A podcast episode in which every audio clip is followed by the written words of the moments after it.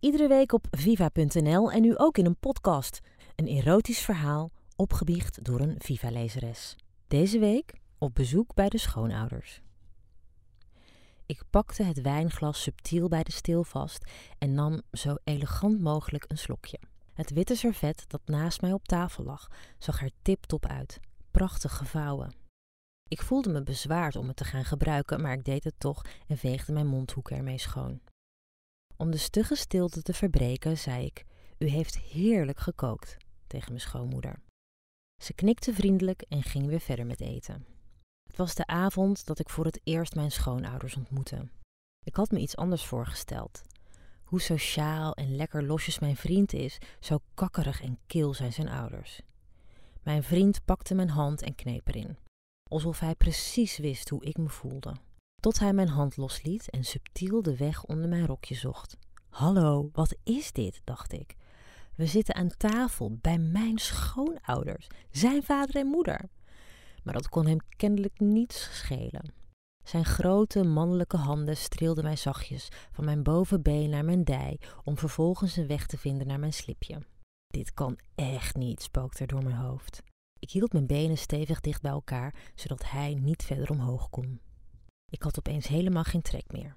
Mijn vriend had iets bij me losgemaakt. Ik kreeg geen hap meer door mijn keel en ik werd steeds onrustiger door de geile blikken van mijn vriend. Ik zag precies waar hij naar smachtte. Het duurde niet lang voordat mijn vriend zijn bord leeg had en zich excuseerde om van tafel te gaan. Ik laat A even onze prachtige tuin zien, goed? Maar natuurlijk, schat, antwoordde zijn moeder. Zijn moeder vindt alles goed wat hij zegt of doet, ook als hij tijdens het diner, wanneer de rest nog niet eens klaar is, van tafel wil. Maar goed, ik was al lang blij. Even weg hier. Even weg van deze kille sfeer. En nog belangrijker, even quality time met mijn vriend. Het was inmiddels al donker. We liepen samen hand in hand, tot mijn vriend mij opeens stevig vastpakte. Hij kuste me met volle overgave en ik beantwoordde gulzig zijn lust.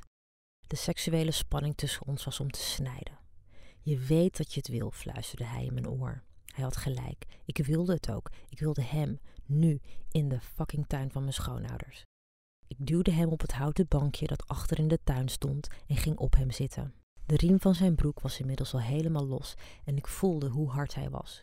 Zijn handen klemden zich stevig vast om mijn billen. Zijn ogen werden groter en zo ook zijn grijns. Weer die geile blik van hem.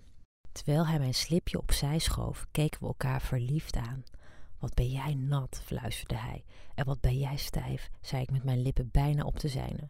We moesten lachen.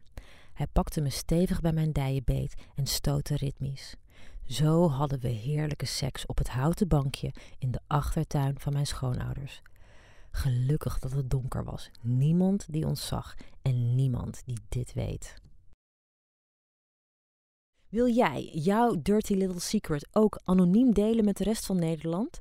Stuur je erotische verhaal, maximaal 350 woorden, naar redactie.viva.nl met Dirty Little Secret als onderwerp.